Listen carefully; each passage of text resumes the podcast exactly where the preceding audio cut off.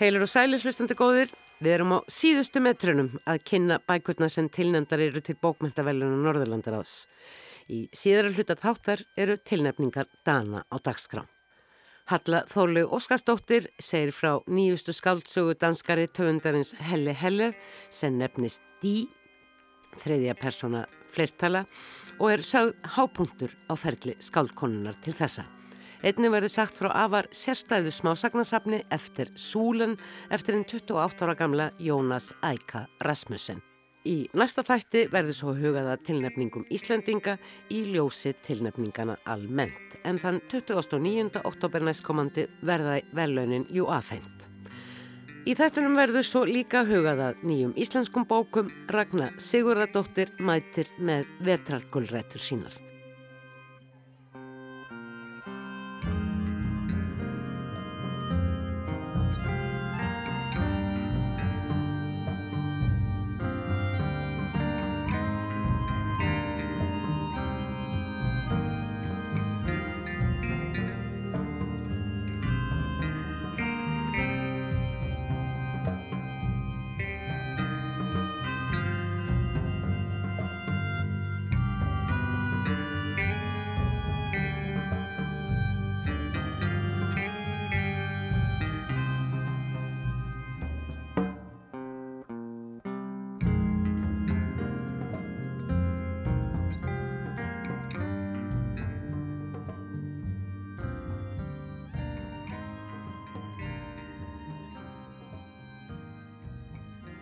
Ragnar Sigurðardóttir hefur sendt frá sér nýja bók að þessu sinni erum að ræða smásagnarsapn sem ber titil einnar sögunar vetrar gullrættur.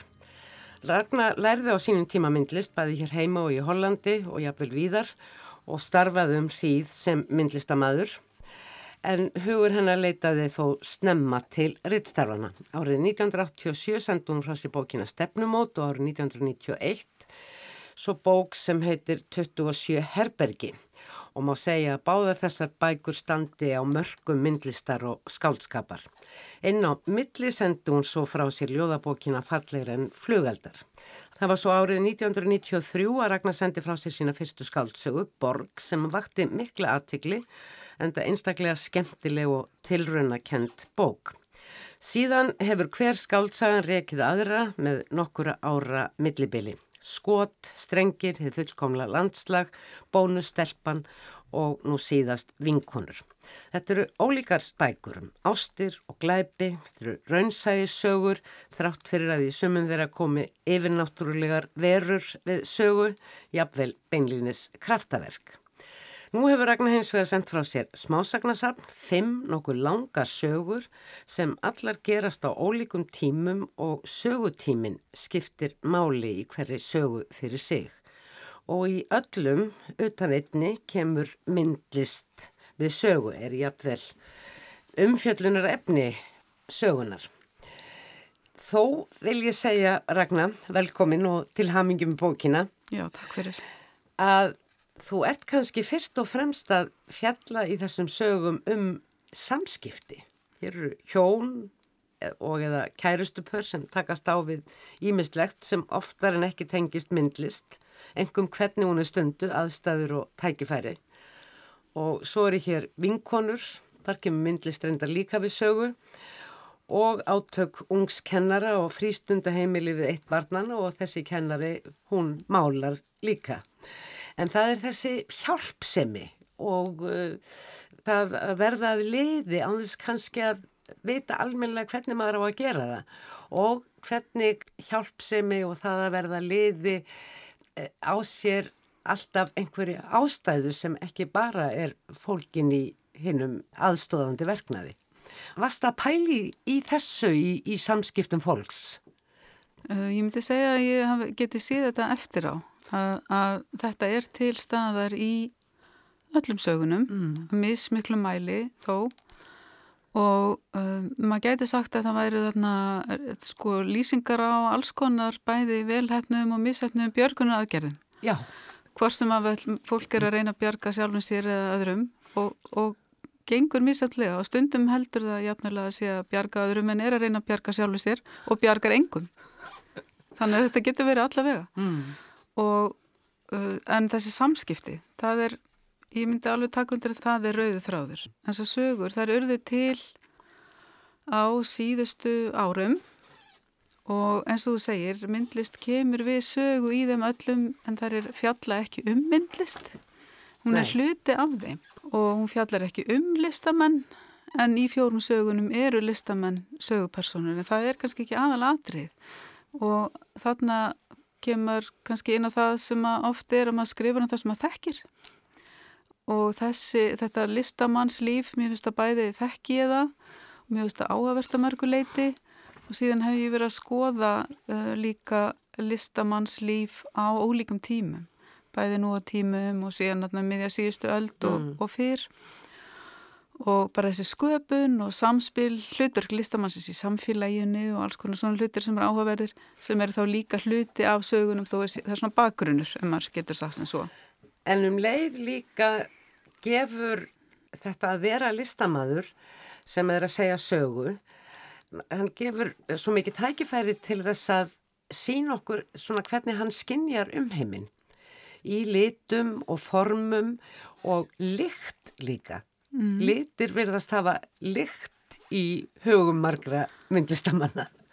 Já, en það er líka þannig að þegar maður er að setja sig í aðstæður og lýsa umhverfi og maður langar að draga það upp þannig að maður bæði sjálfur tengist því þegar maður er að skrifa um það og lesandin að þá, einhvern veginn, þá fer maður að hugsa um þessa þætti, sérstaklega stert, hvernig Mm. bæði, bæði liti og líka lykt og maður hugsa núna er ég, er ég þarna á þessum staði, í þessu húsi, hvaða lykt finn ég þá? Og þá er maður sjálfur komin á staðin og þá kannski auðvöldra að Já. fá lesandan með sér, þangað. Að þetta sé rétt hjá þér.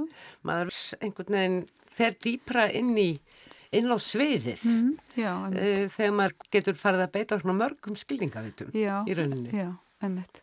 Svo finnst mér listamenn líka uh, kannski henda vel sem sögupersonur vegna þess að til og með í þessum sögum þá langar mig líka að skoða sko, einstakling í einhverjum aðstæðum og bæði svona nánustu, svona nánar, násta umhverfi og líka tengsl við starra umhverfi og starra samhengi Mm. og listamenn og hvernig listamenn hugsa og hvað eru að gera endur speklar oft svona tíðaranda samfélagsins þannig að þeir henda svolítið vel sko það sem þeir að gera það svona er einhvern veginn kannski svolítið það sem er í gangi það sem er verið að hugsa og til dæmis hérna staða konunar eða möguleikar eða eða svona hérna markmið eða ætlun einhvern veginn endur speklar tíðaranda öðruvísi en ef að kannski ef við værum að tala um bakara eða smið. Mm.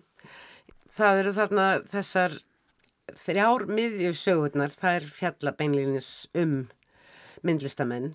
Þeir eru upp á ólíkum tímum. Já. Einsagan gerist árið 1991, Vetragulrætur, undirbúningur 1953 og Fræi í mold sem jafnframt er lengsta sagan 1936 til 37 og uh, það verður ljóst að 1936 til 37 þá hafði kona sem að þráttur að hafa farið utan til að læra list sína og snýr aftur heim til Íslands. Hún hefur sára litla möguleika til þess stunda sína list.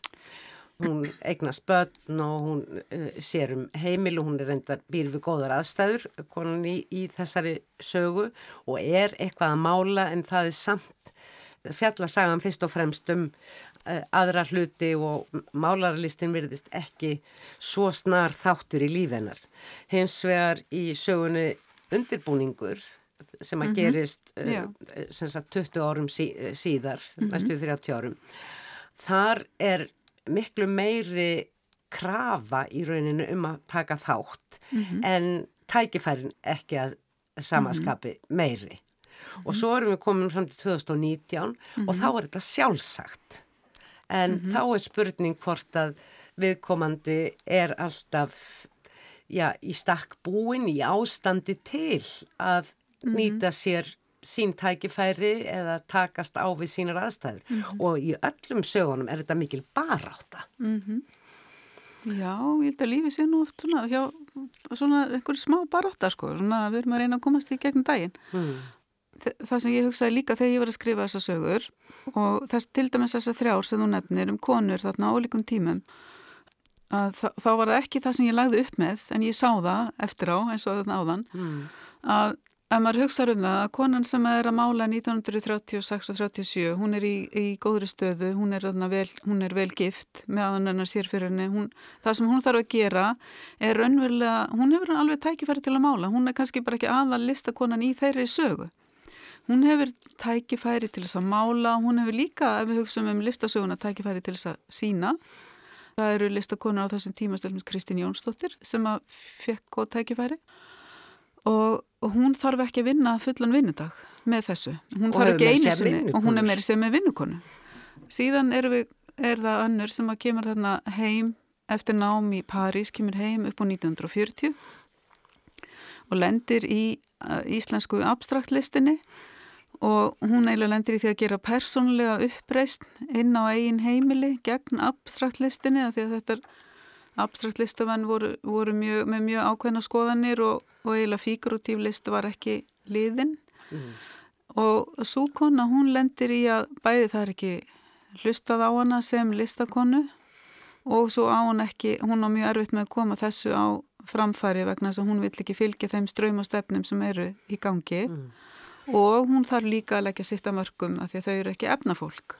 Síðan ef við hugsaum, til að ljúka þessu, að kona sem er í samtímanum, 2019, sem er málari, hún er sem sagt ein með fjöguböld og hún er líka listakona og mér finnst hún af þessum þremur hafa minnsta frelsið. Já. Vegna þess að í dag þá ætlumst við til þess náttúrulega að hérna, þú þarfst að vinna fyrir heimilinu og þú þarfst, þarna er hún vil svo til að hún er ein með börnin. Það er náttúrulega ekki alltaf þannig en, en oft, en, oft. og, og hvenar ætlar það að mála? Hvaða rými hefur til þess? Hún hefur ekkert meira rými. Það er svo margt í þessu, þetta er ekki svona einfalt já, bara núna eru, erum við komin hérna svo langt í, í kvannabaróttunni núna eru tækifæri meiri, það er svona fleira. Það er stjætt og efnahagur og svona fleira sem spilar inn í. Auðvitað hefur hún meiri tækifæri til að koma sína á framfæri sem listakona heldur en 1936 mm. þá var mm. náttúrulega staðalista hvenna allt önnur. En, en það eru aðri hluti sem er erfiðir. Hún hefur ekki tíman hún hefur hún ekki tómið ekki næðið, ekki, næðið, ekki sérherbergið sem við Nei, nákvæmlega, nákvæmlega einmitt, hún er ekki með það. Og svo líka þegar hún lóksins kemstangu þá getur hún ekkert málað því hún er því hún er bara í, stendur í björgunu aðgerum sem að taka allan en ársku Já, og það er kannski eina af þessum björgunar aðgerðum sem að sem standa þarna á einhverju, eh, einhverju brún um hvort að hafi verið nöðsynlegar. Já, já, algjörlega, fyrir... voru algjörlega ónöðsynlega björgunaraðgerir mm. og náttúrulega spurningum hverjum hún var að bjarga og hver þurfti björgunar við já. og augljóslega finnst mér, kannski var það nú ekkert barni sem það þurfti að bjarga þarna. Nei, einmitt. Svo er það parið þarna í Hollandi, þau eru hollensk. Já, þau eru hollensk og þessi saga, þessi saga er náttúrulega svolítið eldri en hinnar, eða dröga þessari sögu. Uh, Vetragulrættur. Já, vetragulrættur. Örðu til eiginlega bara upp úr 2000, þá var ég með einhver bók í smíðum sem að ég hafði svona í huga af yrði svona einhverja nokkra sögur um listamenn en sem að einhvern veginn náði ekki nógu langt. En þessi saga, draugina þessar sögu, þau voru eftir. Þannig að já, þetta er bók sem að svona byggisvaldið á þessu uh, hollenska listamannasamfélagi sem ég kynntist að sem að var gríðarlega metnaður. Og mér finnst þau bæði vera svolítið fórnalamp þess að metnaður og kannski sérstaklega sögumæðurinn Egin maðurinn sem sagt. Já, það er kall maður sem segir þessu sögu. Og hann honum líst ekki á hvað uh, konanans er eitthvað döngunarlaus uh, á, á ákveðnum tíma. Hún, það þarf að bjarga henni. Já, og hann leggur sig allan fram og setur upp mm -hmm. sko mikið plott í rauninni. Já. Sannfærður um að... Uh, lætur eiginlega, hann, hann sagt, kemur með plott og svona einhvern veginn lætur svo leið þessi í að framkvæma það. Hann hefði aldrei mm. geta gert það sjálfur en með svona óvæntir hjálp þá fer þetta á stað hjá honum svona lendir einhvern veginn í því að vera búin að koma ákveðinu plottið að stað. Og í rauninni þegar upp er staðið þá skiptir plottið bara alls engu máli. Rauninni þegar upp er staðið þá áttar hann sig kannski á því að þessi, að kannski var hann ekki að hugsa um kæristunum sína að virðingu. Kannski gaf hann henni ekki rými, kannski var hann að hugsa meira um eigin hag á hans að fara að tólka á mikið. Eða jáfnvel bara í þeirra litla sambandi að vera betri en hún. Já. Uh, með þeim Líka. atriðum sem að telja í, í þeim samanbörði. Já, já. Og samskipti kynina er líka alveg hluti af þessum sögum. Mm. Hérna, hjá þeim finnst mér koma fram hvernig hann sem sagt kemur ekki fram við hann að virðingu með þessi, þessari, hann hefur ákveðna skoðun á því hvernig henni líður og hann ætlar að breyta þessari líðan og, og síðan er það þarna sagan sem að gerast eftir 1940 þar sem að eigin maðurinn svona þakkar niður í listrætni sköpun eigin konunar á ákveðin hátt. með stórri og, tákarætni aksjón, má segja. Já, Hann beinlinni smálar yfir hana. Já, hann beilir sem málarifuna og ég held að það séu, ég held að ég séu örgulega að fara með rétt mál að það séu fordæmi fyrir þessu í sögunni en þegar ég var að skrifa bókina þá fann ég ekki ég var með þetta í höfðinu og ég fann ekki í bókum staðfestingu á því Þetta er mjög sannfærandi, þessi aðgerð, bæði frá honum séð, standandi frammi fyrir því að Já, vera alveg í þann mynd að fara að halda síningu. sköpunar vímunni miðri, Já. þá missir hann tökinn og síðan henni og mér finnst þetta eiginlega kannski einna merkilegasta sagan því að hún, eh, hún sýnir svo vel þetta mótsagnakenda í mannlegu eðli og hvernig við tökum ákvarðanir um það hvernig við ætlum að bregðast við hlutunum. Já, þessi saga nákvæmlega um það. Hvernig ætlar að bregðast við hlutur hvað ætlar að gera? Og þess vegna líka hendar þetta, þetta, þetta tímabil hún, það hendar fyrir þessa sögu. Af því að það sem að gerist þarna það hefði ekki verið trúverðugt að mínu mati á neinum öðrum tíma Nei, þessi ekki. saga myndi ekki gerast í dag ekki, ekki okkar vestræna heimi allavega ég get ímynda mér að það lesendur kannski tólkiða ekki allir eins hennar viðbröð er hún að gera rétt eða er hún ekki að gera rétt með Já. því að bregðast við eins og hún gerir Já, ég hugsa með í deilum það. já, En það var nú gaman að heyra eitthvað aðeins af því hvernig þessa sögur hljóma þó við getum náttúrulega ekki lesið brot úr þeim öllum. Ef við grípum hérna niður í gulræturnar, titil söguna, við erum komin uh, nokkuð áleiðis inn í söguna og hún er nú eitthvað farin að, að mála á nýjan leik. Þunglindi kemur nefnilega svolítið við sögu í þessum sögum, ekki? já Að, það er vitt að vera listamæður sko. Já, það er erfitt að vera manneski. já, það er vitt að vera manneska fyrst og fremst En hún er þarna komin eitthvað á rekspöl. já, þarna fyrir aðal sögumæður, hann fyrir að heimsækja kæristunum sína á vinnustofuna hennar og hann er búinn að gabbana og, uh, og hann er uh, svolítið farin að sjá eftir því. Vera var í hvítum málarassloppi. Hún hjælt á palettunni sem þakin var dökkum litum með einn pensil millir tannana og annan í hendinni og málaði hægt og einbeitt. Byrta sumardagsins umvafði hana. Ég fyldist með styrkri hendennar bæta ljósum lit á greina flækju og mér blöskraði stærðar gráða blekkingarinnar, liga vefurinn sem ég var fastur í. Ég hafði komið fram við veru eins og barn, eins og astna sem þurfti gullrótt. Ég hafði ekki sínt henni virðingu, ekki trúað að hún gæti sjálf unnið bug á erfileikum sínum. Ég hafði ekki gefið henni þann tíma sem hún þurfti. Og þrátt fyrir efasemdi mínar og sjálfsásakanir hafði ég notið góðs af líginni. Vera var nú oftast í góðu skapi. Littla heimilið okkar var aftur hamingjuríkt og við elskuðumst oftar en áður. Vangasvipur hennar var hreitn og saklaus. Ég leit undan og augum mín kvörluðum vinnustofuna. Námur lók staðar við myndirnar upp við veggin. Einn þeirra var kunnuleg og mér fannst ég hafa séðana áður. Þar til ég áttaði mig og fegins hendi greip í tækifærið til þess að tala um eitthvað annað en það sem kvíldi svo þungt á mér.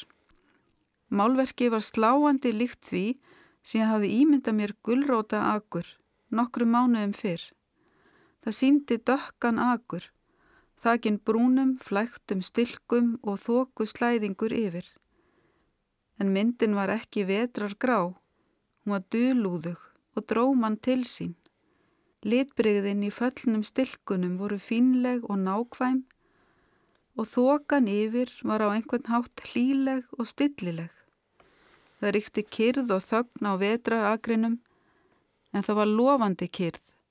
Fullvisa um að á eftir vetri kemi vor, sumar og loks ný uppskera. En það var nú ímislegt eftir að gerast eftir þetta þó að vissulega komi uppskera, það er alltaf bara spurning hvers konar uppskera. Já, þarna snýrist þetta bara svolítið í höndunum ánum, ætlunarverkið. Í raun og veru þá tóst honum ætlunarverkið bara á annan hátt en hann átti vona. En við höfum talað hér um þessar sögur, svona tæft á þeim, þessar fjórar sem að fjalla um listamenn. Síðasta sagan skessur svolítið úr. Það er ekki einast að þar sé ekki Eh, listamæður með einhverjum hætti hluti sögunar heldur er hér beinleginis manneska í miðpunkti sem að getur ekki notið listaverka allavega ekki eins og við gerum það vegna svona blind Já, þessar sögur voru semst í smíðum á sama tíma. Og þessi saga var ein af þeim sem ég var að hugsa um og var ekki vissum allan tíman að ég myndi tengjana við þessar.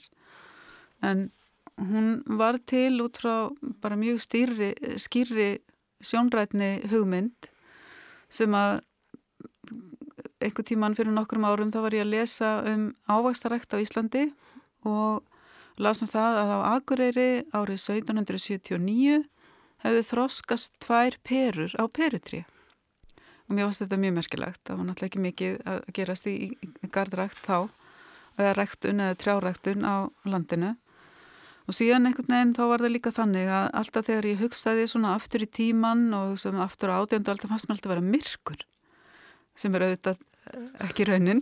En það sótti svo á með þetta myrkur og svo sá ég þessa peru í myrkrinu. Einhvern veginn maður hugsaði um það var svo, það var svo, það var svo erfitt, það var svo erfið tími, það var svo mikil fátækt og þetta var svo... Allir blöytir. Og svo var að vaksa þessi pera þannig að mér langaði svo að skrifa um þetta og síðan einhvern veginn út úr þessu og hugmyndinu um myrkri þá, já, akkur er myrkur, það er vegna þess að sögupersonan er blind, að hún, mm. hún sér ekki og, og þannig var þessi unglingsdrengur, hann var þannig til. Og síðan er í, líka í annari sögu þá er fjallaðum ræktun. Einmitt. það sem að lista, lista konan og hún ræktar það sem hún málar. Og það er mikið samilegt finnst mér í ræktun og sköpun eða öllu heldur er mikil sköpun í ræktun. Og vegna þess að mér finnst þess að sögu líka allar vera um sköpun en þá ekki endilega á listaverkum heldur bara að það skapa eigi líf, að skapa daginn, skapa augnablikið og þessi drengur, hann er ekki listamæður en hann er mjög skapandi. Og, og hann skapar já. sér sína mynd já. af hlutunum þrátt fyrir já. blindu sína og ekki frekar en aðrir gera hann það alveg óstuttur. Skulum kannski Nei. heyra lókum uh, Ragnar pínlítið brot sem ég fannst svo fallegt og dæmigert fyrir það hvernig þú miðlar þessum heimi hins blinda sem, og, og hans skinnjun á heiminum. Þegar hús Linges Kaupmanns var tilbúið, gekk ég ringin í kringum það, strauk hendinni eftir vegnum þreyfaði á glukkakormunum og rendi fingurgómunum yfir rúðurnar, kaldar og sléttar. Það var í fyrsta skipti sem ég snerti gler. Það er gegnsætt, saði Jónas. Ég gæti ekki ímynda mér hvað það fól í sér. Eins og heyra gegnum veggi, saði Jónas. Eins og veggurinn séðarna en hann trublar ekki hljóðið. Var þetta mynd sem að kom svona bara 1-4-10? Já, þarna er bara eins og það sem að gerist þegar maður er að skrifa. Þú, maður einhvern veginn reynir að fara á staðinn, maður reynir að setja sér í spórpersonar og, og upplifa og bara, já, já, maður bara gerir þetta í hugunum og þá verð, gerist eitthvað mm. svona ekki, já. Kemur þið sjálfur þér ofta óvart uh, uh, með, með því sem að þú sérð á skjánum eftir daginn eða eitthvað svolítið? Nei, alls ekki. Ég er bara mjög óanæð með allt og þarf að hafa og, þarf, og efast mikið um allt. Og, og þarf að hafa nota mikla orku í að, að standa við það og, og halda í það. Þannig að nei, ég kem sjálf mér ekki, ekki ánægilega og óvart ef, mm. ef þú varst að meina það bara, bara ekki á þess, óvart. Þessi litla mynd. Já, ég, ég veit ekki. Maður hugsaður náttúrulega bara eins og maður hugsaður og kannski, mm. já, nei. Mm. En ég held því að sé alveg óhætt að vera ánað með þessa bók. Já, þakka að kella fyrir. Ég gerum mitt besta. og þakka þið fyrir komin. Já, takk fyrir mig.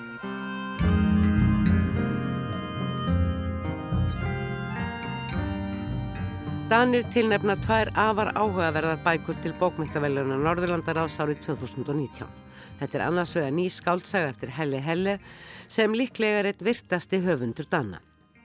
Helli Helli hefur nokkrun sinnum komið til Íslands og var meðal annars gestur bókmyndahátteður í Reykjavík árið 2015 og hafði það ár einmitt líka verið tilnefn til bókmyndaveluna Norðurlandaráðs fyrir skáltsögu sína Vísti E sem kom út í þýðingu Silju Adalsteinsdóttur ef þú vilt ári síðar.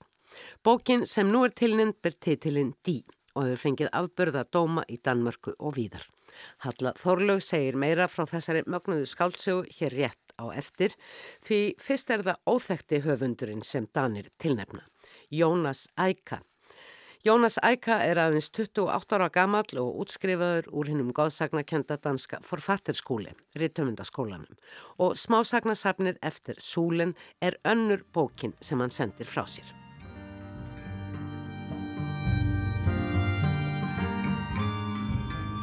Smásagnasafnið eftir súlinn inniheldur samkvæmt efnis yfirliti fimm smásögur og tvær þeirra bera sama titil.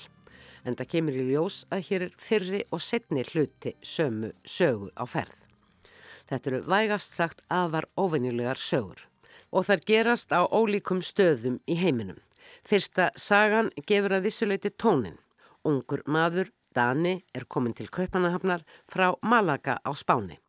Hann er fráskilinn og sérfræðingur í stýrikerfum verðbryfaforrita komin til kaupanahafnar til aðstóðar danskum banka. Bankin er hins vegar raunin, húsið þar að segja, samsláttur í rafmagni eða eitthvað og ekkert samband næst við neitt. Lítið við því að gera, annað en að slangra niður í bæ, einn og yfirgefin. Hann þekkir engan lengur í kaupanahöfn þessi sögumæður. Á veitingastað hittir hann ungan mann að var fölan og dökkarðan með einbættan svip. Sá heitir Alvin og býður sögumanni gistingu.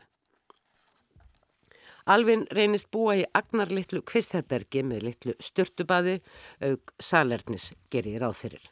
Fátækleg eldhús aðstæðir í einu horninu og upp eftir öðrum gapvegnum er raðað hlöðum af allskynns umbúðum utan af sætindum, frönskum, tyggjói, drikkjum og þvíum líku. Einn hægindastól er í herberginu auk tvíbreðs Róms.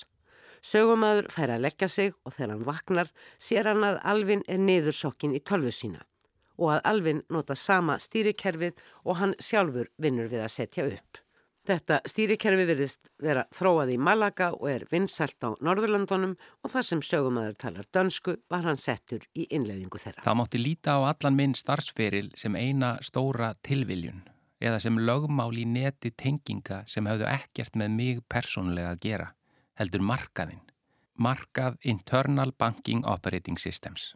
Alvin klikkaði á milli fána sem síndu mismunandi upphæðir, sumar óskup venjulegar, aðrar svimandi háar. Tengdi við ITN-númer sem aftur tengdust öðrum númerum og skjábyrtan sló silfraðri byrtu á enni hans. Hlutabref, sagði ég. Er það það sem þú lifir á? Afleiður, saði Alvin. Ég veði ekki á framtíðina, ég höndla með hana. Skuldabref, spurði ég. Alvin útskýrir í stöttumáli lögmál verðbyrjaðiðskipta hvernig verðið fari eftir því hvað muni gerast með ákveðna framleiðslu vöru eða þjónustu í framtíðinni og að fjármunitin sem handlaðir með séu ekki neinu samhengi við raunverulegt verðgildi þess sem liggur til grundvallar eða með orðum alvins þegar þeir félagar eru soknir djúft ofan í fjárfestingar með stöðugum músarklikkum. Glemdu frjálsum markasviðskiptum minn kæri. Vöruverð endur speiklar ekki lengur nokkurt gildi, hvorki í fortíð eða nútíð. Það eru draugar framtíðar sem hér eru undir. Þegar morgun nálgæðist, móða hafi myndast innan á glukkarúðunum og Alvin var sopnaður með tölvun og ofan á maganum, vissi ég að hann hafi sagt satt. Eftir hálftíma höfðu við skiptum sæti og ég mátti klikka en hann ákvað á hvað. Ég veit ekki hvort það var tregðan í músinni, slétt og svolítið fytugt yfirborð hennar eða upphæðinar sem voru fluttar til, hurfu og komi aftur í ljós óaðskiljanlegar frá ytjanúmerónum en í takt við að ég klikkaði eða hvort það var einfallega þetta að sitja saman og í raun hafa það mjög huggulegt. Þeim verður sannsagt vel til vina, sögumanni og alvin, verða jafnvel elskendur og fara saman til Rúmeníu. Deila herbergja á hóteli, alvin nuttar sögumann með einstakri nuttólju sem fær hann til að slaka fullkomlega á. Í Bukarest fara þeir allra sinna ferða á hlaupahjólum, horfa á götuleikus sem er saga útaf fyrir sig og svo lætur alvin sig hverfa. Rís einfallega upp á rúminu sem þeir hafa deilt, tekur tösku sína og er farin um miðjanótt. Sögumadur saknar hans við hlið sér og fer síðan einning aftur til Kaupanhafnar. Leitar uppi rústirnar af bankanum, hann verður að hitta forstöðumann upplýsingatækni og förðar sig á að starfsemi skulu verið fullum gangi í bankanum. Á ólíklegustu stöðum hafði fólk komið sér upp vinnu aðstöðu. Ramagsleiðslur lágu út um allt sem benti til að allir væri vel tengdir. Ég ímyndaði mér risastórt byggingarverk með ótal hólum með móluðum byggingabrótum út um allt. Ofur stór mauraþúfa þar sem öllu er haldið saman af bylgjum alnetsins og gerjandi lífrænum anda sem byllaði í öllum holrúmum. Úr djúpinu barst ómur af fingrum hamrandi á liklaborð. Við rendum okkur með fæturna á undan fram hjá stálblötu og inn í enn eina af þessum hólum. Þar fyrir miðju satt forstöðumadur upplýsingatækni í lótustellingu á púða með þrjá skjái fyrir framann sig. Við hægri hönd hennar kvildi mús á marmaraplötu broti. Hver fjandin, sagði hún og brosti upp til mín. Áttum við ekki að hittast fyrir tíu dögum? Jú, sagði ég og byrjaði að útskýra eitthvað sem var mér fullkomlega óljóst. Ég tók eitt skref, rakst í smástein sem fjall fram að brúninni og það liðu tíu sekundur þar til vatni tóka mótonum. Glemdu þessu, sagði hún og ítti útskýringum mínum frá sér með hendinni. Komum okkar að verki. Þetta voru loka orð fyrstu sögunar í smásagnasafninu eftir Súlin sem ber einfallega nafnið Alvin. Aðstæður eru áþekkari í öllum sögunum. Sögumadur er stattur í framandi aðstæðum, stundum fyrir tilvílun eins og sögumadurinn í Alvin, en stundum líka að yfirlöðu ráði eins og í sögunni Rachel Nevada sem gerist í Nevada-eðimörkinni og segir frá hjónum um áttrætt, Faye og Antonio, þau hafa mist dætur sínar báðar úr krabbameini og í kjölfærið selt íbúðina í Boston og keft sér húsbíl. Það var Faye sem hafði átt hugmyndina. Ef við eigum að lifa áfram verðum við fyrst að finna stað hafði hún sagt og dreyið Antonio fram úr rúminu. Hann settist kjarklaus undir stýri, fullur óta um að sopna fram það þannig að hún mátti aka mestan hluta leiðarinnar í gegnum Ohio, Indiana, Kansas, Colorado og þar til að ferðin sjálf var það einhvers konar löngum svefnu um auðnir Nevada. Það var eitthvað við Rachel, ekki endilega einangrunnin, heldur miklu fremur tilfinningin um útvíkaðan tíma sem byrtist bæði í endalausri runnagresjunni og UFO-klúpi bæjarins. Þar sem fólk fyrst og fremst satt og beigð, skimaði í ákafri eftirvæntingu eftir nýjum vísbendingum. Það var eitthvað í þessari útvíkuðu nútíð sem gaf hjónunum til kynna að hér ættu þau að nema staðar. Hér ættu þau að eigða sínum síðustu æfi árum. Fay hafi farið á The Little A Lee Inn og umsögulegst orði hluti af klubnum um fljúandi fyrðurhluti en Antonio hafi haldið út í eigðamerkurnar rétt eins og núna. Í Rachel búa innan við 100 manns, flestir í hjólísum líkt á Antonio og Fay og í 20 km fjallag eru mörg hernaðarsvæðis nr. 51. Antonio er ekki á leið þangað, heldur að sendirnum. Sem stendur yfirgefin í miðju nokkuð víðóttu mikillar dældar sem líklega hafi verið stöðvatt fyrir hundruðum þúsundum ára til orðið vegna áreiksturs við Lofstein fyrir enn fleiri þúsundum ára og nú upp þornað. Antonio hafði uppgötað sendin þegar hann var á kannveðum. Þetta var tveggja metra há parabólu formað ferlíki sem greinilega hafi verið þarna í langan tíma. Svartur málmurinn tekin að tærast, brotna og miljast niður. En hann gefur frá sér hljóð sem laðar að sér hverskins lífverður, sveppi jæmt sem dýr, jafnvel forsögulega dýr. Hinn rúmlega áttræði Antonio sem eftir lát dætra sinn er óendanlega einmanna finnur í sendinum einhvers konar atkvarf. Hvena sem færi gefst fer hann af honum án þess að íhuga mikið hver upprunni hans geti verið. Hann grunar helst að sendirinn hafið fyrir löngu verið sendir út í geim og hljóðunum í honum ætlaði að laða til sín lífverur þar ef einhverjar væru. Tilraunin hafi hins vegar mistekist, sendirinn fallið aftur til jarðar í eðimörkinni og það er haldið áfram að gefa frá sér sitt óaflátanlega hljóð sem Antonio finnst vera sín hljóð. Djúft í eigin lungannan enn fyrir öskrinu sem fyrir augnabliki hafi setið í barka hans og sendirinn nú gaf frá sér án afláts. Hann fann hið framandi líf sem skindilega var innra með honum og þandist út í fullu dagsljósinu á vassbotninum. Það var engu líkara en tilfinningin að vera aðskilin frá öllu sem hafi heldtekið hann við dauða dætra sinna hefði fengið hljóð og væri þar með eitthvað í sjálfu sér. Andstutt, málmkend, þrá. Hann vildi verða sendirinn. Og nú var komið að því að láta til skarar skrýða. Gamli maðurinn er með allar græjur með sér til að framkvæma skurðaðgerð á barka sér í þeirri trú og vissu að þar mig getið hann losað um og gefið frá sér hljóð sem sé eitt með hljóði sendisins. Já, þetta hljómar ótrúlega en lýsingar Jónasar Æke á nákvæmninu og aðlúðinu jæmt sem sársökanum sem óneitanlega fylgir aðgerð gamla mannsins á sjálfum sér geraði verkum að lesandin, að minnstakosti sá sem hér talar, festist algjörlega við lýsinguna og þrá Antónius eftir þessari sammenningu. En sammenning, tengst og tengingar er miðlagt umfjöldunarefni í öllum smásögunum fimm í bókinni eftir sólinn. Antonio hefur í raun mist öll tengsl, ekki bara við dæturnar og fyrra líf heldur líka eiginkonuna sem í Rachel er komin á kaf í það sem Antonio kallar með sjálfum sér fríksjó. Eilíf ferðarlög út í eðumörkina í leita verum frá öðrum hnöttum sem stundum sjást eða að minnstakosti ummerki um þær en spyrja má hvort aðrar útskýringar og jarnaskari séu fyrir því sem hún og félagar hennar í klúpi fljúandi förðurluta sjá í konunarleiðangrum sínum.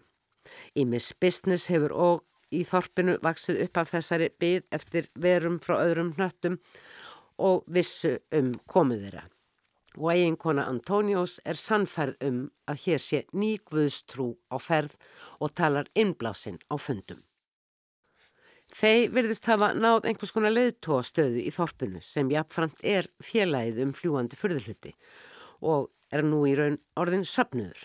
Stöðu sína byggir fei ekki síst á eigin rannsóknum og tengslum Kristina fræða við framtíðar vísendakvikmyndir sem hún hefur stundað að mikillir kostgefni og komist að raunum að handreitshöfundar hafi algjörlega sneitt hjá skrefum Páls postula. Því les söpnöðurinn nú rétt Páls í þaula. Þennan ákveðna dag eða kvöldið sem Antonio tekst með skurðaðgerð á eigin barka að tengjast hljóði sendisins út í eðimörkinni og finna einhvers konar samhljó með lífinu er kona hans á tónleikum í Nágrannabæ. Síðastu tónleikum nýræðrar söngkonu Karen Ruccio sem einnig býr í Nevada eðimörkinni. Þeir snýr heim al sæl af þessum tónleikum en það hafi söngkonan þekkt hana aftur úr útvarpinu og með þessum orðum gleði eiginkonunar endar þessi saga. Það verður nefnilega ekki á sögur Jónasar Ækalóið, þær eru skriktnar en búa eiga síður yfir sterku aðráttarafli en það kafað djúft í allar aðstæður og ótrúlegum þráðum fyllt eftir í löngu máli. Til að mynda fær rannsóknarverkefni eiginkonunar um tengsl framtíðar vísendakvikmynda og kristni talsvert rými og eftir að sögunni Rachel Nevada er lokið bætist við nokkur langur og afar sannfærandi kapli um söngkonuna Karin Ruccio, líf hennar og tónlist og að hún hafi verið til í raun og veru og látist eins og það segir árið 2017. Google vil hins vegar ekkert kannast við Karen Ruccio og frumkvæla starf hennar í tónlistasögunni sem greint er frá. Hér er hvorki tíminni tóm að gera grein fyrir hverri sögu þessa áhugaverða en vissulega mjög svo óvinnilega smásagnasaps. Gaggrinnendum í Danmörku ber saman um að hér sé á ferð algjörlega ný tegund sagna.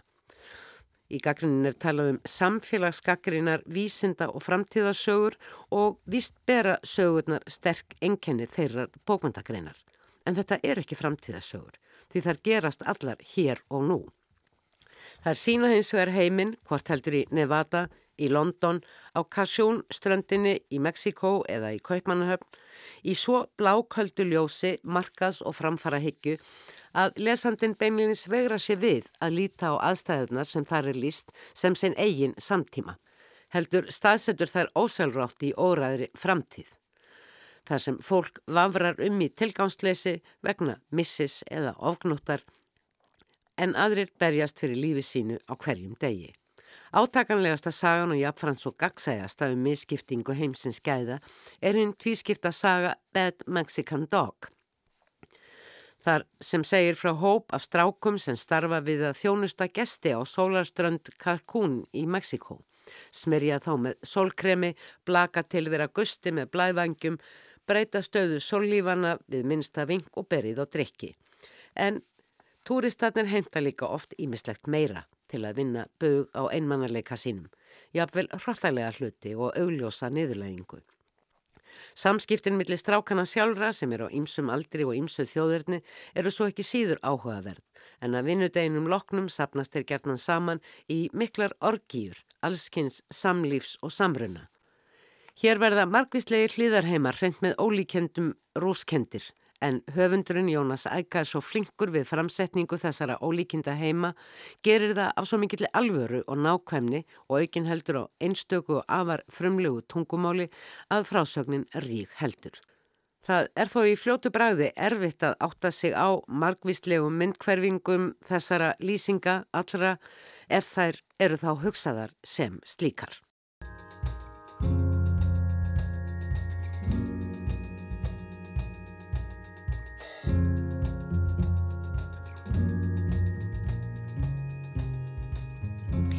Bókin Dí eftir Helle Helle segir frá maðgum sem búa í smábænum Röðby sem tilherir Lálandi Danmerkur. Sagan gerist árið 1981. Aðal söguhetjan er dóttirinn, 16 ára, og bókin spannar um það byll eitt ár í 51 kabla. Tímabilið markast af umhverfislýsingum sem tengjast árstíðanum. Gróður, kuldi, myrkur eða byrta einhvers konar vísbendingur um að tíminn líði. Sagan er sögð í nútíð. Alltaf. Líka þegar talaður um liðina aðbörði. Og stundum er það einkennilegt, en í heildar samhenginu er það dálitið fallegt. Komum betur á því síðar. Títillin D er personufornum, nánar tiltekið þriðja persona fleirtölu.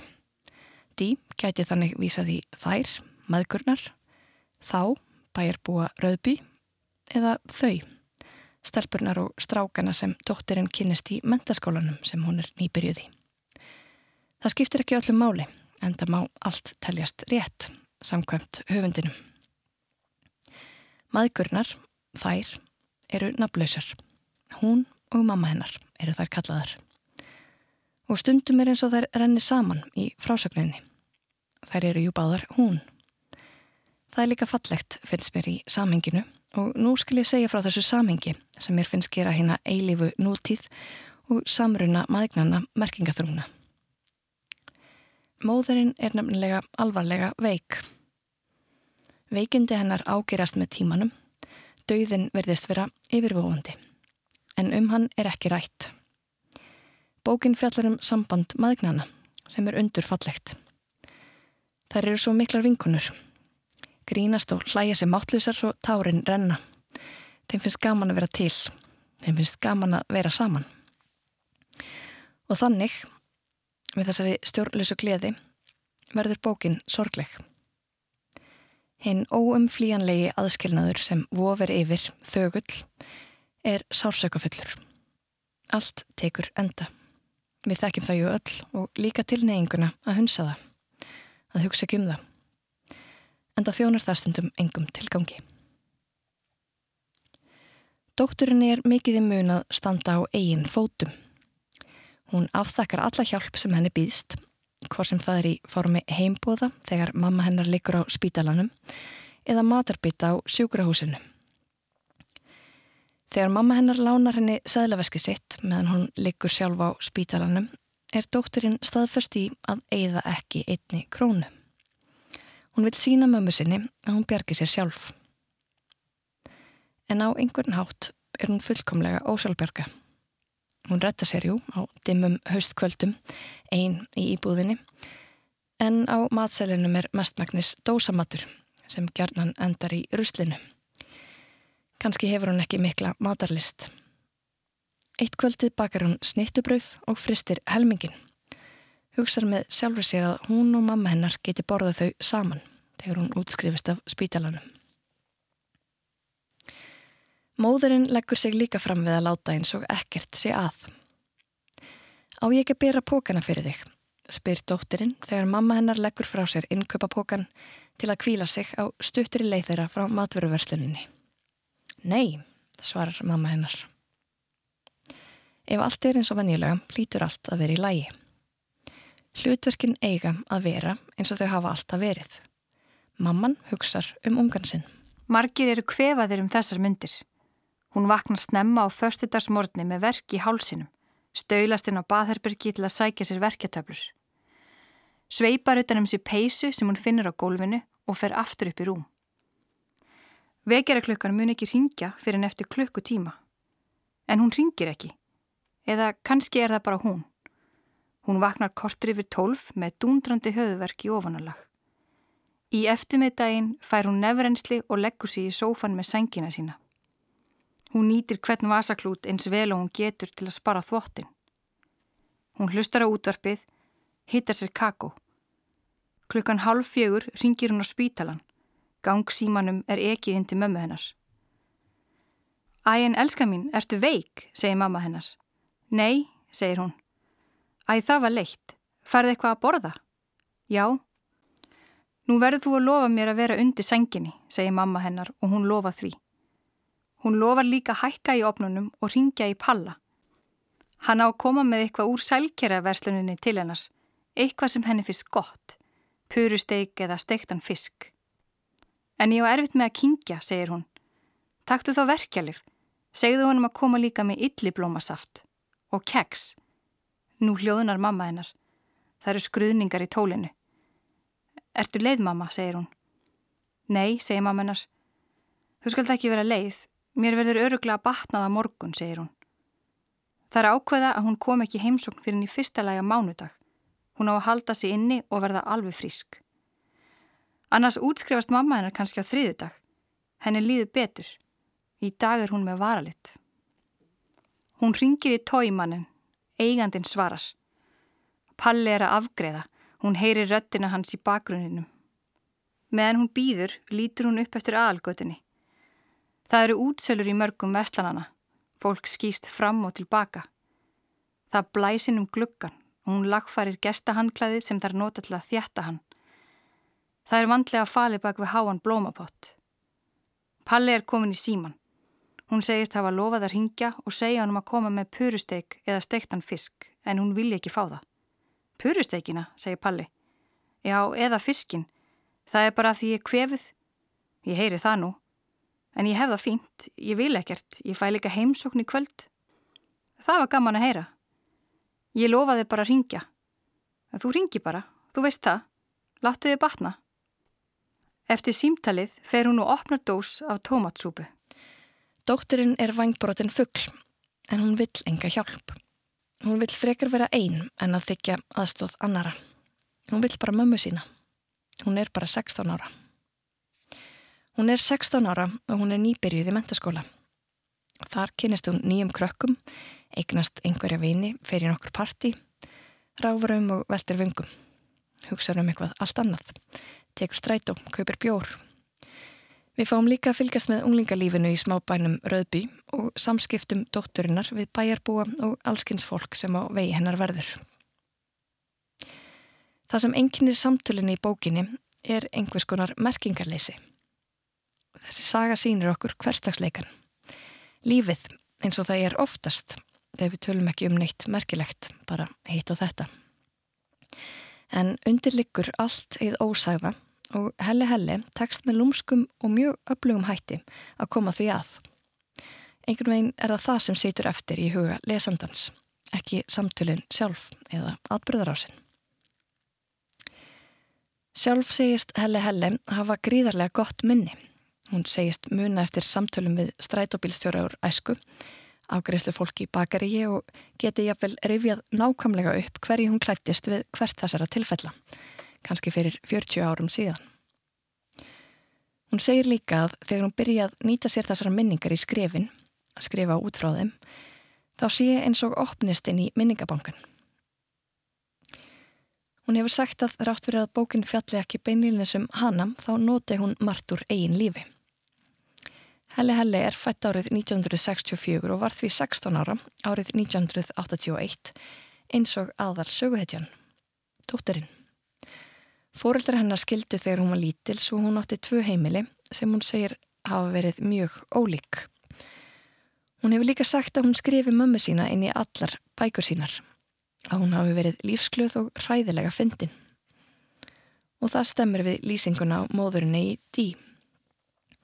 Móður Helle Helle lést aftur á móti árið 2015 þá 74 ára gömul. Ég ólst upp á heimili þar sem var hleið mikill. Mamma mín var umfram allt góði að gera grína sjálfur sér. Hún var tölvert betri í því en ég, en ég er alltaf að reyna að læra það, sagði Helle Helle í viðtali við tímaritið söndag, stöttu eftir andlát móður hennar. En aftur að bókinni. Ég myndist á nútíðina áðan. Sagan er sögði nútíð, sem er ekkert merkilegt í sjálfu sér, nema hvað hún er öll í nútíð. Dæmi. Það standa nokkrar sultukrukkur undir steganum úti en hún getur ekki sótt þær núna. Ljósið fer í gær. Þetta er óvanalegt svo lesandin fer óhjákvæmilega að velta þessu fyrir sér. Það er eins og tíminn líði ekki. Eins og við séum stött í öllum vítum tímans samtímis. Og þannig má kannski hugsa sér að móðurinn verði alltaf á lífi. Samrunni maðurgrana sem ég myndist á áðan þjónar sama melankóliska tilgangi. Við vitum sem lesendur og bara sem raunsæjar manneskjur að mamman mun deyja á einhverjum tímaponti fyrir það síðar. Svo þegar það verður skindilega óljóst hvort tekstin fjallar um móður eða dóttur reyfast upp fyrir okkur, einhver staðar þarna í undir meðvitundinni, að lífið fer í ringi. Við verðum mæður okkar og þær hverfa sjónum okkar en dvelja samt alltaf með okkur á einhvern hátt. Og sagan á maðgunum fer líka í ringi. Endurinn kallast á við upphafið. Söguhetjan gengur yfir engi með blómkálsöguð. Og vegna þess að allar sagnir eru í nútíð er erfitt að segja hvað er upphaf og hvað er endir. Það skiptir kannski einhver máli. Hverstagsleikin mun alltaf taka aftur við, þráttur að hann stökkbreytist í eðli sínu. Bókin Dí eftir Helle Helle vakti upp djúpa sorg innra með mér við lesturinn en á einhvern undurfallegan hátt. Sorgin og gleðin haldast fullkomlega í hendur á hverstagslegan máta. Frásögnin er viðbröðalítil en sagan er risa stór. Fleiri verða orðum bækur ekki að þessu sinni. Takk fyrir að hlusta. Verði sæl.